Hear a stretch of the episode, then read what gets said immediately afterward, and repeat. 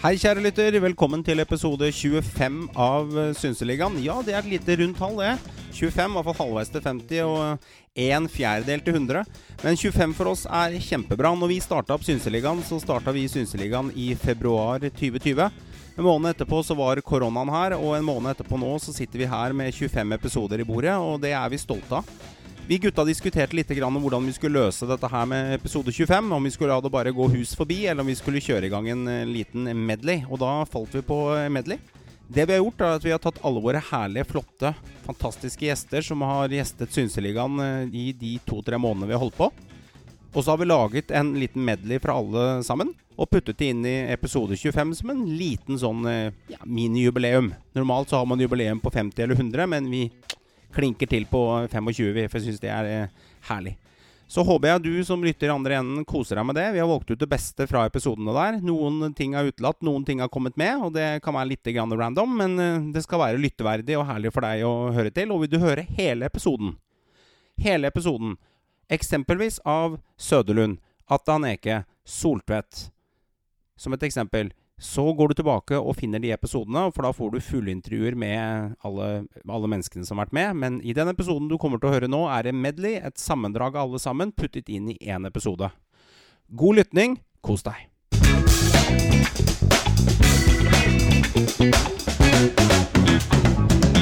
I den første kampen, som når vi møtte ham, så spilte han. Og da var han egentlig Det første kvarteret så var han helt fantastisk. Så vi måtte egentlig bare markere han, vi. Mm. Vi, må ta, vi, må ta, han ut, for han styrte hele greia. Ja, det er jo en klassespiller. Ja, og da datt egentlig litt sammen. Så, så, han er fortsatt bra spiller, og så er det, det er tøft å være spillende trener på det nivået der. Altså. Det, som trener så sliter du med å få timene til å gå opp i døgnet, og så skal du i tillegg spille og sånn, så ja. ja. Det er ikke lett å sjonglere den rollen? Nei, det er det ikke. Det er og det, det blir vanskelig i garderoben. Så jeg er litt nysgjerrig på dette med Hva var årsaken til at du valgte å kjøpe deg ut av den kontraktdelen og, og reise lengre syd? Årsaken var at jeg, i, i, en periode der så hadde vi i Ostenes sånn økonomiske utfordringer. Så hvis ikke klubben ble solgt, mm. så var det, var det egentlig da fikk vi mest sannsynlig ikke lisens for året etter.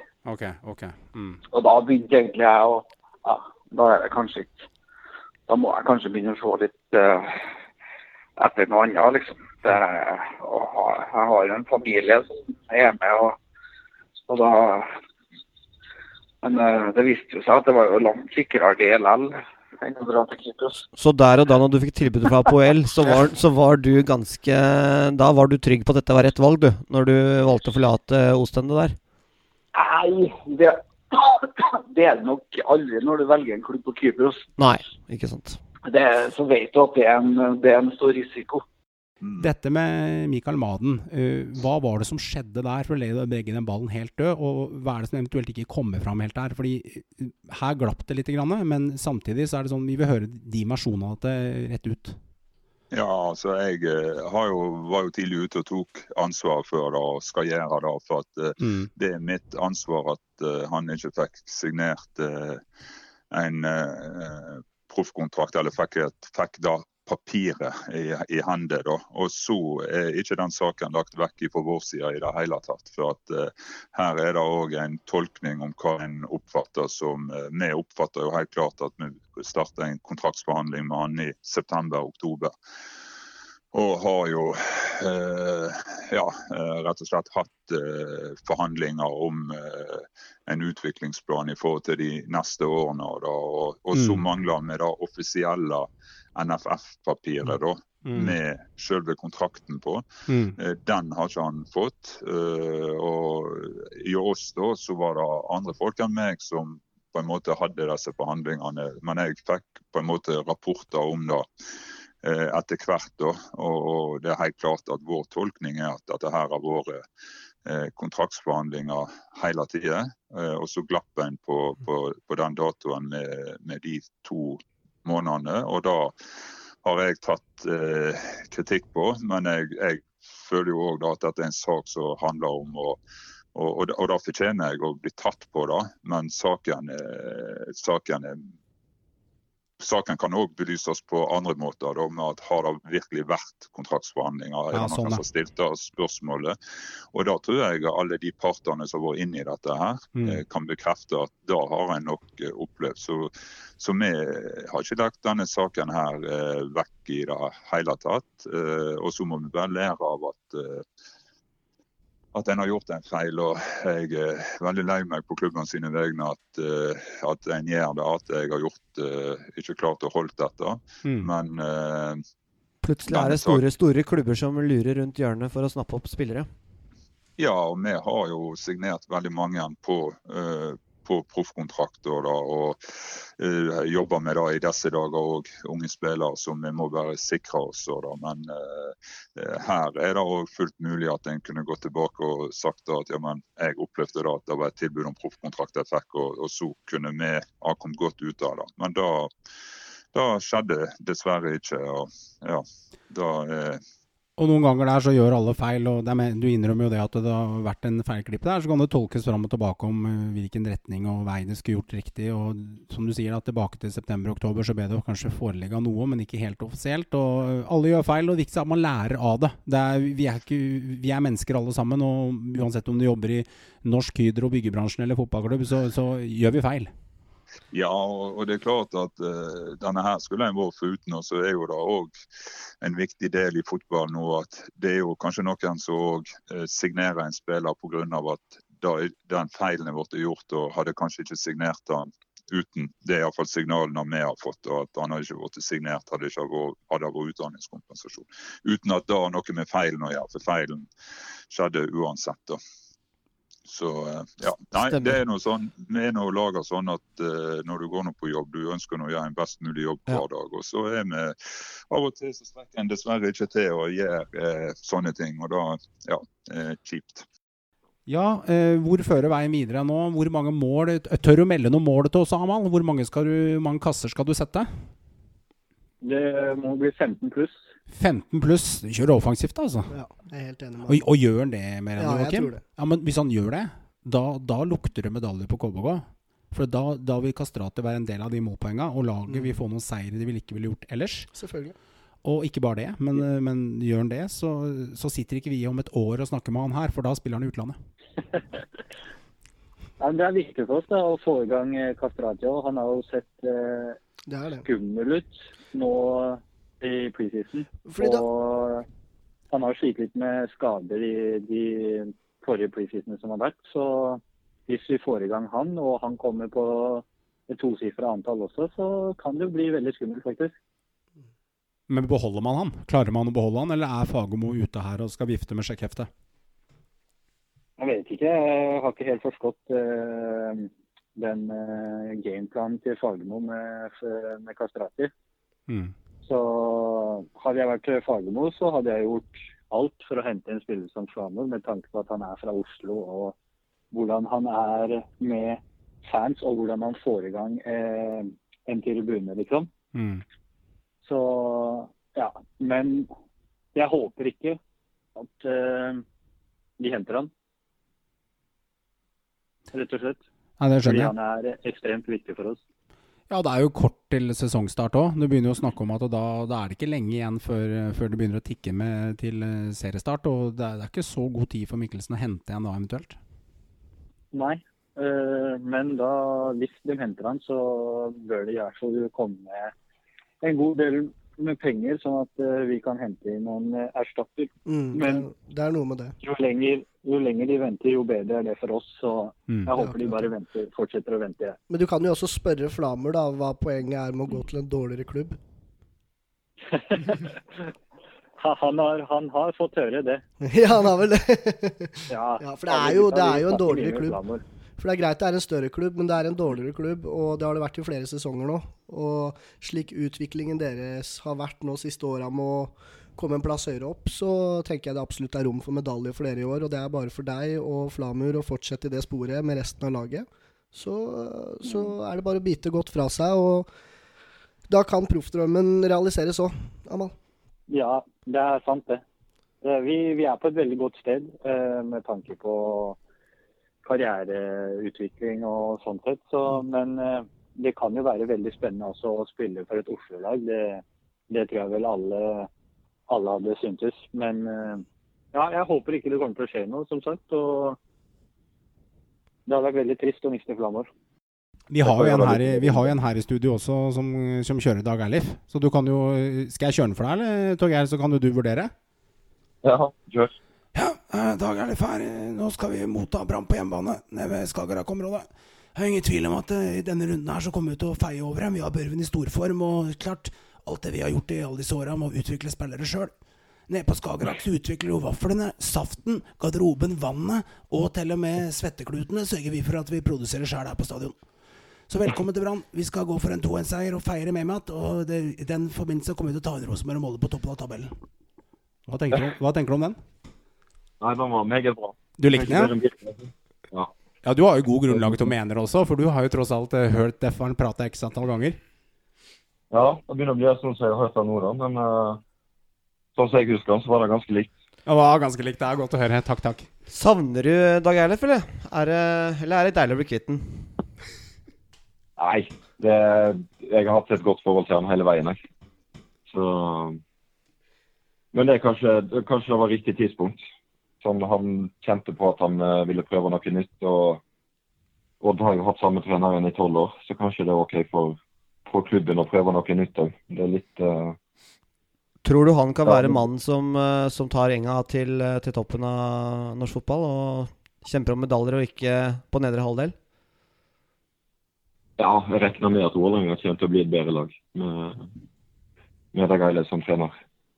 Kan, jeg er usikker på hvor lang tid, tid det tar, da, om man trenger et halvår eller en sesong kanskje på, på å få, få en sin måte å spille på. Kanskje noen nye spillere. Mm. Men eh, jeg, jeg, tror det, jeg tror det kommer til å bli et bedre lag. Med litt eh, veldig klare klare og tydelige roller og hva som vi forventer av spillerne. Så jeg tror, eh, mm. Sikkert en bra signering med Oldrup der òg, som kjenner uh, hans type fotball å spille på. Ja, han, altså, han er jo sammen, han har jo vår jobb hele veien. Så mm. han vet jo akkurat hva som uh, skal gjøres. og kan styre de andre ut på banen der òg, som kanskje er litt usikre på, på rollene. Som uh, blir nok en viktig spiller for dem. Angående botregler hos dere, altså kom for seint på trening og glemme saftflaska og ikke avlyde treneren og sånn, det er jo noen hundrelapper. Men har du noen hefte noen oss, eller? Noen som er litt annerledes i deres garderobe på botregler? Ja, den dyreste er uh, fysiorommet nå. Det er et uh, kontor, og så i et lite hjørne så er det et toalett. Ok. Og hvis du driter da, så er det 5000 i bot. På, på, det, på toalettet på fysiorommet? Ja, på det, på, på det toalettet inne på fysiorommet. Ja, den, den, den er seig, altså. Fem, fem, laken? Ja, men det, du, du skal være ganske drita trengt før du går der. ok, Er det fordi toalettet er dårlig, eller er redd fysokongen? Nei, for, nei, men det er ikke egen dør, liksom. Det, Toalettet er liksom i kontorene. Rart opplegg. Hvem, tror, det, hvem tror, du kommer til å gå på første, første 5000-kronersmellen her, da? Nei, jeg vet ikke. Det må jo være at noen får akutt diaré eller noe. og det... Ja, ja ikke sant. Ja, ja, den er heftig. Jeg sitter og kikker utover en bane, og jeg ser eh, unger mellom 9 til 14 år rett bak hodet på Jon Arne nå, og det er mye fin aktivitet i flomlyset. Men jeg tenker på deg, Jon Arne. Så tenkte jeg skal jeg beskrive deg med tre setninger og noen ord inn der, så slår det meg mentalt sterk, søkerutvikling og unorsk tankegang treffer ganske bra der, altså, på de tre tinga der. Jeg må si det. Uh, jeg har alltid sagt og ment nå at uh, det er kanskje min største styrke er at jeg er mentalt sterk. At jeg takler uh, medgang og motgang. Og jeg er veldig trygg på meg sjøl og hva jeg står for, da, som spesielt når det kommer til fotballspiller. Så, og så har jeg alltid vært unorsk. Det har jeg alltid vært og kommer alltid til å være. så ja, det er ikke, er ikke dumt sagt. Hva har gjort deg unorsk? Ja, si det. Eh, jeg tror jeg begynte fra ung alder at jeg trente annerledes og mer enn noen andre i min alder. Eh, klart Jeg trente jo 21 ganger i uka da jeg var 12-13 år. Eh, jeg tror ikke det var så normalt på den tida der.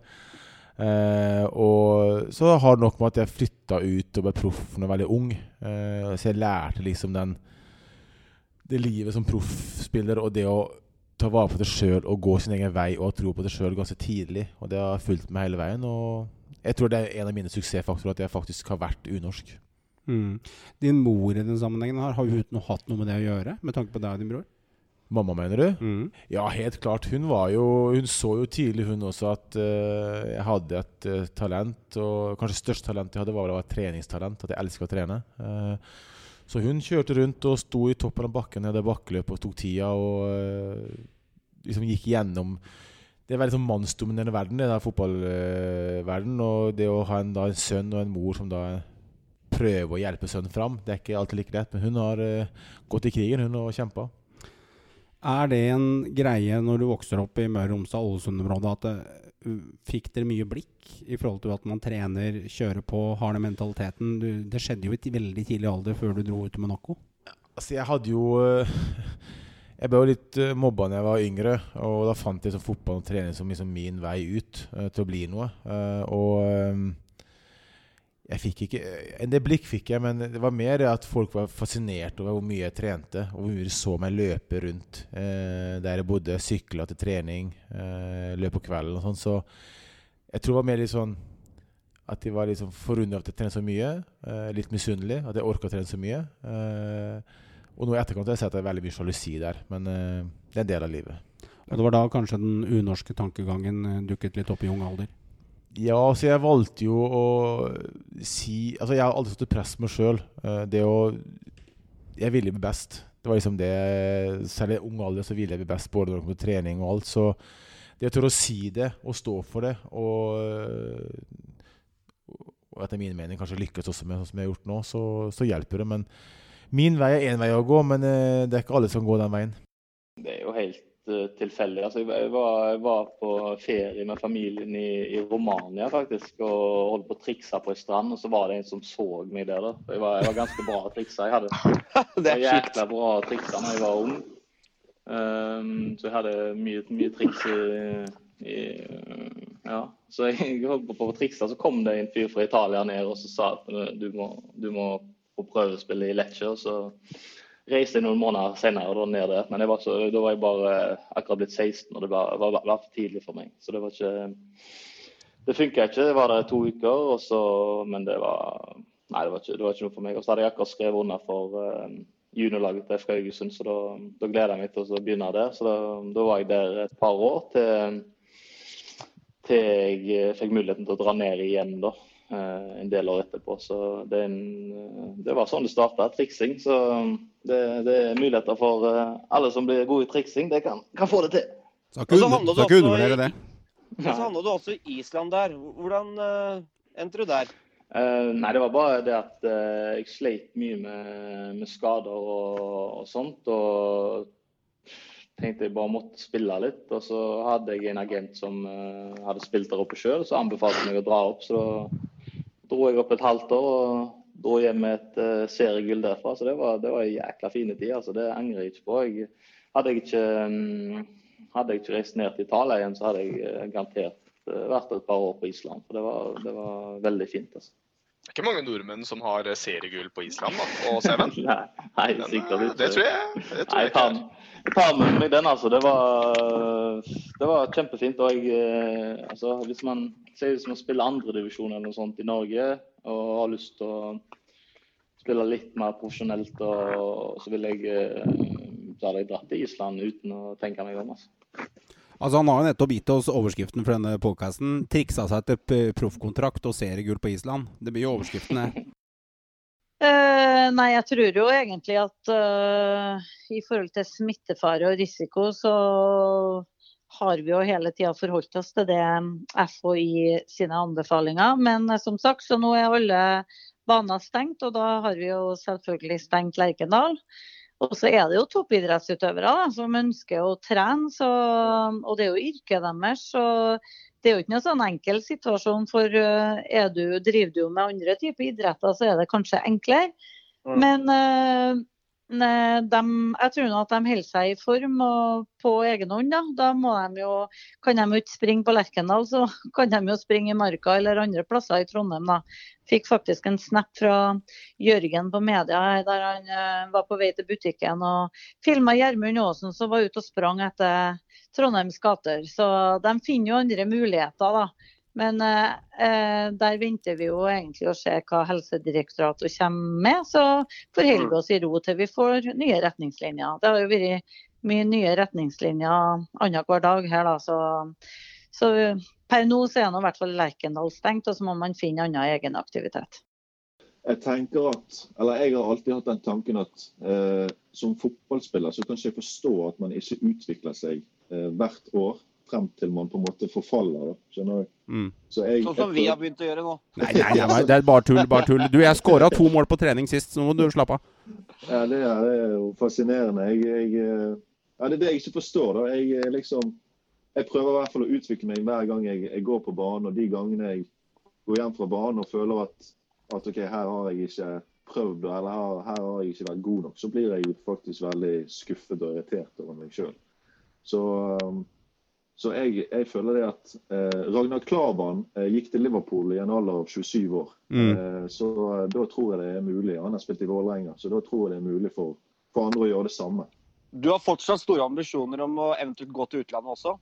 Ja, absolutt. Eh, I fjor så var det interesse fra Polen rett før jeg ble skadet. Så det er liksom Det å oppnå sitt eh, ja, høyeste, altså potensialet, det, det, er liksom Hvordan gjør man det? Eh, og jeg var vel i ferd med å så på en måte slå litt igjennom i fjor da, eh, og dominere litt serien. Så det er jo det jeg ønsker å gjøre igjen nå. da, og Det, det, det krever hardt arbeid. og Jeg føler jeg, jeg, eh, jeg holder på med det nå. Vi hadde jo en eh, pod tilbake med John Arne Riise, der han snakker mye om det å faktisk levere i den mm. rette kampen, når den og den speideren er å se på deg. Og mm. være god når det gjelder. Og, mm. og levere uansett motstand og, og, kamp. da. Det er jo noe som sikkert er ekstremt viktig for å faktisk bli kjøpt. da. Absolutt. Og så I tillegg så må jo man være stabil. Eh, som ung spiller så kan jo man være litt ustabil på en måte i prestasjoner, da, men etter hvert så føler jeg man, i hvert fall som midtstopper, så føler jeg at man må å være stabil og levere bra resultat over, over lengre perioder. Men, men, de store kampene de, de er viktige å levere selvfølgelig når det er folk å se på på tribunen. For ja, hvis de legger merke til deg da, så kommer de gjerne oftere tilbake igjen og ser på. Så mm. det, det er et viktig ja, eh, punkt. Og det er utallige eksempler på spillere. Jeg husker en episode som ble nevnt der fra 90-tallet. Uh, tar jeg ikke helt feil der, så var det vel uh, Tore Pedersen, Henning Berg, når disse gutta ble kikka på. Jeg tror Henning Berg engte vel i England fordi man egentlig skulle kikke på en annen spiller. Jon Arne mm. Riise nevnte jo det samme i poden vi hadde for noen uker siden, Håvard, at de var egentlig ikke for å se mm. på han, de var for å se på andre talenter. Også, Magne Hose, Tommy Ørn, men så er det han sant? som ble henta. Og så ender det der. Og det har sikkert skjedd med x antall eksporter som har gått ut, og det er jo litt sånn eh, tilfeldighetenes magi. Og så, så er man god øyeblikket, som Håvard sier, og da, da kan, man, eh, kan, man, få det til. Eh, hvis man ser litt på eh, norske klubber og holder det innad, uh, det utenom Brann, er det andre klubber du had, ville hatt en drøm om å spille for? Brann er selvfølgelig en selvfølge å lykkes der fra fra førsteoppholdet ditt, men er det andre klubber du tenker at dette kunne virkelig kunne vært noe, med all respekt for Haugesund og din kontrakt nå? ja, det er jo det. Rosenborg er jo interessant, selvfølgelig. der er jo de to tidligere trenerne mine òg. Eh, Hornland og, og Embaland. Så, og Rosenborg er jo eh, dessverre eh, Norges største klubb. Eh, de har eh, de beste spillerne. De leverer best i, i Europa, f.eks. Så, så det er jo selvfølgelig Eh, ikke en drøm, men det er et alternativ, selvfølgelig. Eh, men utenom Brann og Rosenborg, så tror jeg ikke det er noen andre enn FKH jeg, jeg har lyst til å være kinesiske klubber de er eh, Hva kan jeg si? De, når de først gjør det bra der, så, så, er det helt fantastisk. Jeg kan gi dere et eh, morsomt eksempel. Aron Samuel, når han flyttet eh, fra Sarpsborg til, eh, til, Kina. og Vanligvis liker jeg ikke å snakke om summer og hva de tjener, men, men Aron er en sånn type som ikke bryr seg om, eh, om det. Han dro dit, og så hadde han 500 000 euro netto i året først eh, når han dro dit. Og etter et par måneder så gjorde han det så bra, og så ringer han meg og sier han, det er flere her som tjener mye bedre enn meg. Jeg syns jeg burde få en bedre avtale. Så drar jeg ned til Kina, sitter vi der med eieren. Og så sier jeg eieren ja, hvorfor vil dere ha et møte? Sier jeg, nei, Aron vil ha mer penger. Ja, hvor mye vil han ha? Så hvisker Aron 1 million euro. Så sier jeg ja, han vil ha 1 million euro. Ja, men er du villig til å forlenge avtalen da? Aron bare nei, det, det gidder jeg ikke. Ah, OK, greit, du får 1 million euro. og, så, og så går det fire-fem måneder til. Og Aron han, han, er type. Så da er han gjort det enda bedre. Så ringer han meg igjen. Du må komme en ny tur igjen, fordi nå gjør jeg det dritbra. Så drar jeg ned igjen. Og så sier eieren ja, hva vil dere ha nå? Så hvisker Aron jeg vil ha 2,5 millioner euro. Og så sier han ja, OK, Eh, greit, du kan få det. Og så, og så, sier Aron men nå så kan dere skrive tiårsavtale om dere vil. Ja. Så, og så fikk han 2,5 millioner euro netto i året for å spille i den klubben. Så når du gjør det kjempebra, det er ikke det at du bare kaster om seg med penger, men når du gjør det kjempebra der, og du er godt likt blant eierne, og du, du virkelig viser at du gir av deg selv, da, så, så er de villige til å, å gå den ekstra milen for å holde deg happy. Eh, så de er ikke dumme. Det er ikke det at de bare kaster ut penger eh, på gata for ingenting. Men de, de vet å sette pris på deg når, når du gjør en god, en god, jobb. Og det er jo spesielt markedet å jobbe, jobbe, i. Eh, de fleste snakker jo ikke engelsk, så du er veldig prisgitt det at du jobber med de kinesiske agentene der nede også. Og jeg har en, en god kontakt der nede og har gjort mange dealer der. Men du må forstå kulturen. Som i all annen business så handler det veldig mye om respekt og veldig mye om lojalitet. Så du bør lese deg litt opp før du kommer ned dit, og en del ting man gjør og ikke gjør. Og, og, og respekt går igjen hele, hele tiden. Der. Så jeg har gjort veldig mange dealer der nede. og og sånn som Igalo har jo fått et kjempetilbud fra Shanghai nå. Jeg hørte det. Jeg så det. Ja. Så, så ja. Det er litt om, litt om, Kina. Og litt av en historie. Du veit hva som skjer da når du dropper sånne historier? Du, du hørte jo i stad? Da kommer den. Ja, vi må jo glede oss litt over pengedrys, men når du går med tre forhandlinger som det, og det er jo kanskje akkurat da, eh, da du er på jobb, da du er i ditt beste, og du viser akkurat det du har erfaring med, Anneke. fordi at hadde du hatt en urutinert agent her, eh, så hadde ikke den eh, blitt pusha til himmelen. Nei. Eh, du har, du har rett, i, rett, i, det. Eh, du har det. Så, så absolutt. Mm. Så det er veldig stor forskjell da, i det å deale med en kinesisk klubb kontra en russisk klubb, tyrkisk klubb, norsk klubb. Um, bare en sånn enkel ting som at skal du gjøre business i England eller Spania, så må du ha på deg dress eller Italia. Du kan liksom mm. ikke komme i, i, uh, i shorts og T-skjorte der. Uh, men uh, det, det, gjør du her hjemme i Norge, og du blir sett rart på hvis du kommer i en dress på kontoret til en eller annen sportssjef fordi du skal signere en spiller. Jeg har et annet eksempel på det også. Eh, når jeg tok Bentley til Odd i 2007, så blandet plutselig John Shittu seg inn i avtalen og skulle plutselig representere den, norske, nei, den nigerianske klubben. Så da holdt hele overgangen på beltet. Og så kom John Shittu til uh, Norge. og så satt han der på SAS-hotellet jeg skulle hente ham, og han satt i findressen sin og, og gullklokke og full pakke. Og jeg kom inn, det var sommerferie, og hadde på sneakers og, og Capri-shorts og, og T-skjorte. Og han så, han målte meg fra topp til tå. og han bare, Jeg så at han bare tenkte hva slags klovn er det her? Og så kjørte vi til Skien for å ta det møtet. Og der satt både direktøren og sportssjefen til Odd i T-skjorte og shorts. Og han ble Det er jovial stemning! Ja, det var det. Så han liksom fra å være den som så ned på meg, ble plutselig, ble plutselig han klovnen som satt der i, i full outfit og skulle gjøre en deal. Så det syns jeg var litt, uh, litt, gøy. Det er kontraster, da, med andre ord? Det er veldig store kontraster. Og det er det jeg syns er moro med denne jobben her. Jeg syns det er like gøy å hjelpe en spiller som spiller i andredivisjon med å ta det steget opp til Obos eller Eliteserien som, ja, som det å gjøre en stor deal. Det gir meg utrolig stor glede å på en måte være med og skape noe. Mange snakker om at agenter tar en del av kaka og bla, bla, bla. Men jeg har vært med på å skape utrolig mange gode historier, som Migale, som Ejuke, som mange andre nigerianere, og eh, også blant eh, norske spillere også, hvor man da har vært med og sett noe som ikke, kanskje ikke andre har sett, og vært med på å skape, skape noe. Så de historiene man ser om Raiola som tar så og så mye av overgangen og, og tjener de store, svimlende summene. Der er ikke vi i det hele tatt. Vi jobber på et helt annet nivå i Norge og tjener helt andre summer. Gutta gjør.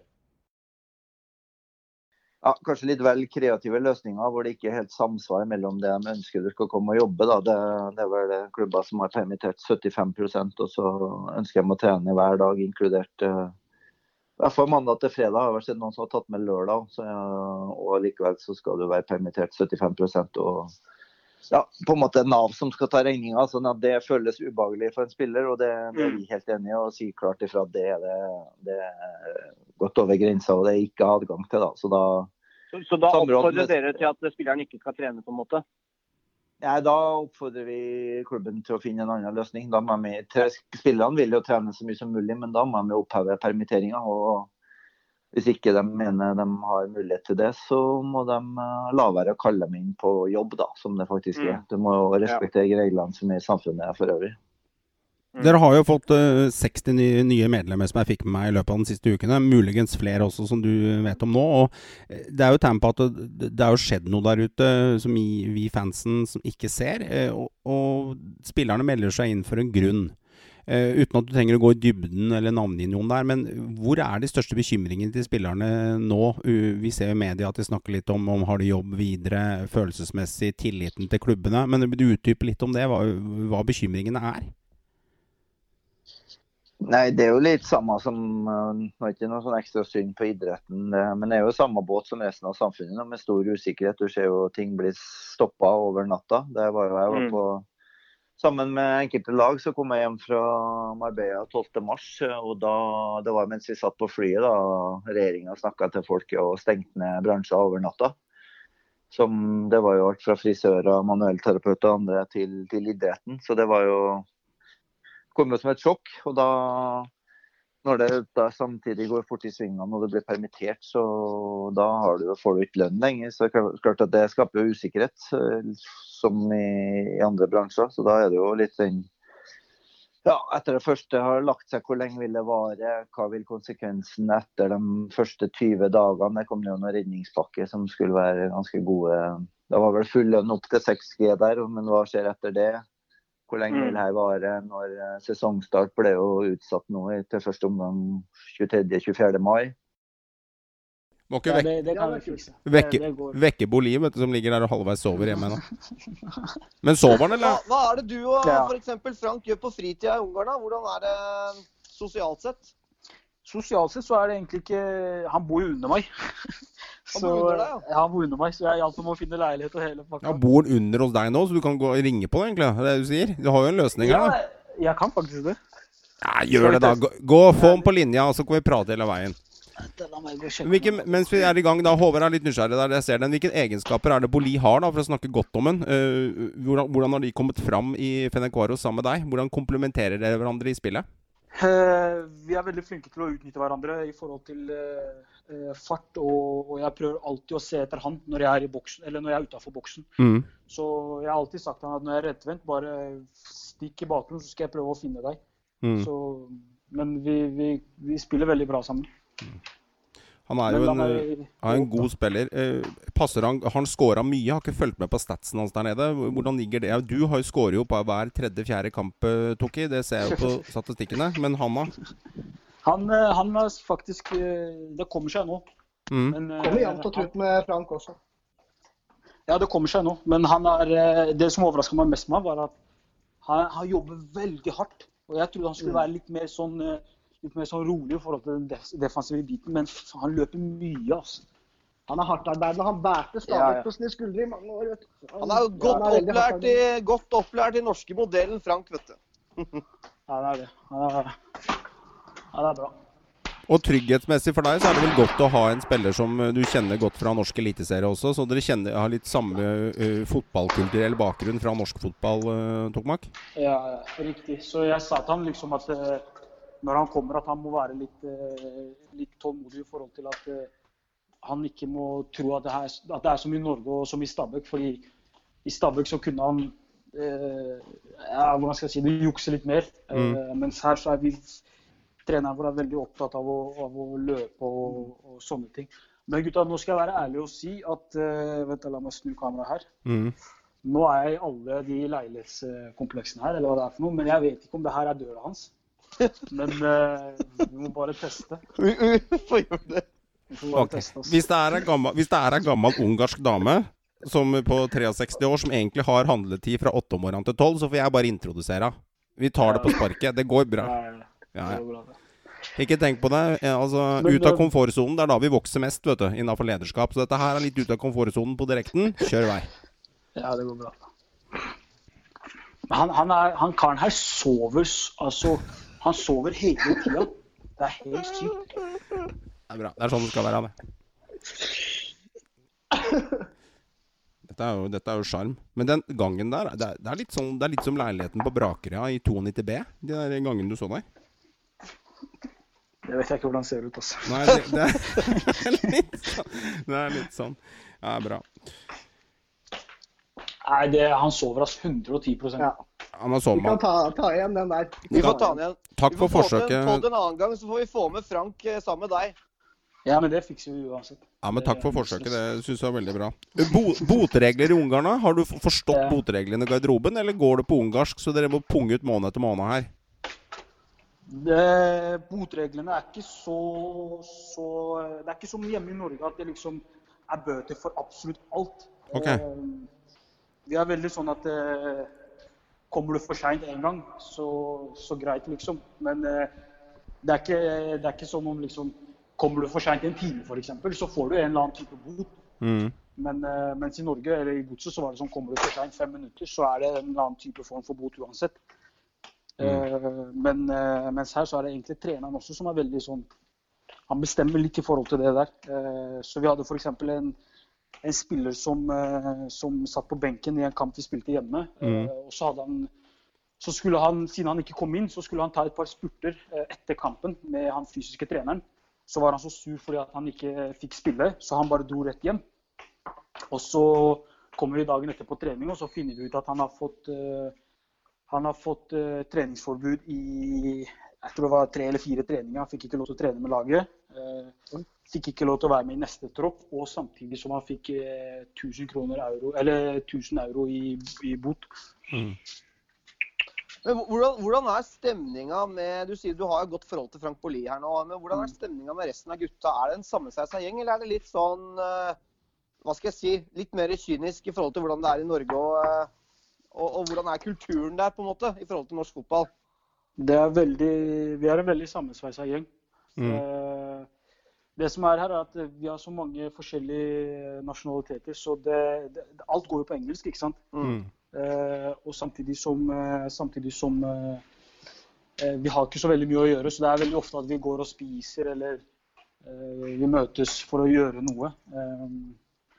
så er, vi er veldig sammensveisa. Og Budapest, Budapest ja. er vel en vakker by å, å bo i? veldig fin by. Så det er veldig mye å gjøre. Veldig mange steder å spise. og så når vi har folk på besøk her, og sånn, så, så, er det veldig mye forskjellig man kan gjøre. Hmm. Hmm. Har du uh, familie, kone? Jeg vet ingenting om det, Tokmak, så jeg spør. Mm. Eller er du alene der nede som ensom majestert med Fifa-spillet ditt? nei, nei, jeg har kona mi her. Du har kona di, ja. Så, ja, så det, hjelper, det hjelper på. Hvordan trives de? Veldig bra. Hun, eh, hun liker det. Eh, så, men eh, vi er jo egentlig veldig rolig, så det er ikke, vi er mye hjemme. Mm. Det er egentlig sånn, sånn jeg egentlig liker det selv òg. Så det er ikke så Det er ikke ute og spise hver dag og, og sånne ting. Så vi trives godt. Så fyker ikke mye rundt på nattklubben i Budapest, med andre ord? Nei, det er bare å glemme oss. Holder deg mest hjemme? Det er bare å glemme oss. Og, og, det som er morsomt, er at her så de, de kjenner deg igjen med en gang. vet du. Så når jeg skal ut og handle mat og sånn, så er det med en gang eh, noen som skal ha autograf og, og bilder og sånne ting. Og samtidig som at eh, du representerer den største klubben her. Mm. Eh, og den klubben, det er ikke sånn at det er bare en fotballklubb. Det er klubben som hele Ungarn eh, har veldig, veldig nært, eh, nært, forhold til. Og da er det sånn det, det, det, hvordan skal jeg si, det ansvaret du har når du f.eks. går ut på en nattklubb, da, den, mm. den, er ikke det samme som hjemme i Norge. Eh, men, men, samtidig som jeg har også alltid vært sånn at hvis jeg f.eks. drar ut, så er jeg litt forsiktig med, med, hva jeg gjør og sånne ting. I forhold til at jeg har folk i Drammen som, som, som ser opp til meg. Jeg har brødre, yngre brødre. ikke sant? Mm. Um, så jeg har alltid vært veldig opptatt av det der. Men når jeg kom hit, så tenkte jeg wow, det, det, er, ikke, det er ikke bare bare. Jeg vil nesten kalle han kulthelt. Mamadou Diallo mm. ja, ja. I, eh, I, Lillestrøm. En, en, av de tidligere afrikanske stjernene vi hadde i ligaen vår, var jo en eh, herlig spiss. Ja. Men jeg husker jo veldig godt eh, når han skårte da for Vålerenga mot LSK og, og gikk og feira foran Kanarifansen. Hva er det du sa til han da? Jeg sa jeg skulle drepe han hvis han ikke pelte seg bort til uh, sine egne supportere. Uh, jeg har jo veldig men Mamadou han var jo liksom eh, Jeg hadde jo ansvaret for han. Jeg var jo kaptein på laget. Og jeg fikk jo stort ansvar for at han skulle fungere i det hele tatt. For å si det sånn, jeg lærte enormt mye med han. Hvordan du skal behandle afrikanske spillere som kommer fra andre kulturer. For han gjorde alle de ja, eh, hadde alle barnesykdommer du kunne tenke deg når det gjaldt disse greiene her. Så og kjørte helt forferdelig bil òg. Så jeg kjørte jo Han klarte å kjøre bort til leiligheten min, så kjørte jeg hele tida. Jeg turte ikke å sitte på med den. Eh, men eh, den første kampen vi, Han skulle spille en treningskamp borte mot Kolbotn. Da visste du Han var helt fryktelig dårlig òg på første treningen, da. Men eh, i hvert fall eh, så skulle vi til Kolbotn, og da, da var det full bil. Og han hadde jo fått bil fra LSK, en, eh, jeg tror var Opel Corsa eller noe sånt, eller noe lignende. Kanskje det var en vekter, da. Eh, og så rulla han ned alle vinduene, og så kjørte Yosen Undur, som er Senegal eh, sin store popstjerne, full guffe fra Lillestrøm til Kolbotn. Så det har aldri vært så redd når jeg sitter på med noen som kjører bil i det hele tatt. Så jeg har veldig godt forhold til han, hatt mye kontakt med han etterpå. Eh, så han skulle jo, det var et jævla dårlig tidspunkt da, å takke Kanarifansen eller Bøffelberget ja. Eh, for et godt samarbeid når du scorer for Vålerenga mot Lillestrøm. på Jeg husker han sa det på intervjuet etter kampen, faktisk.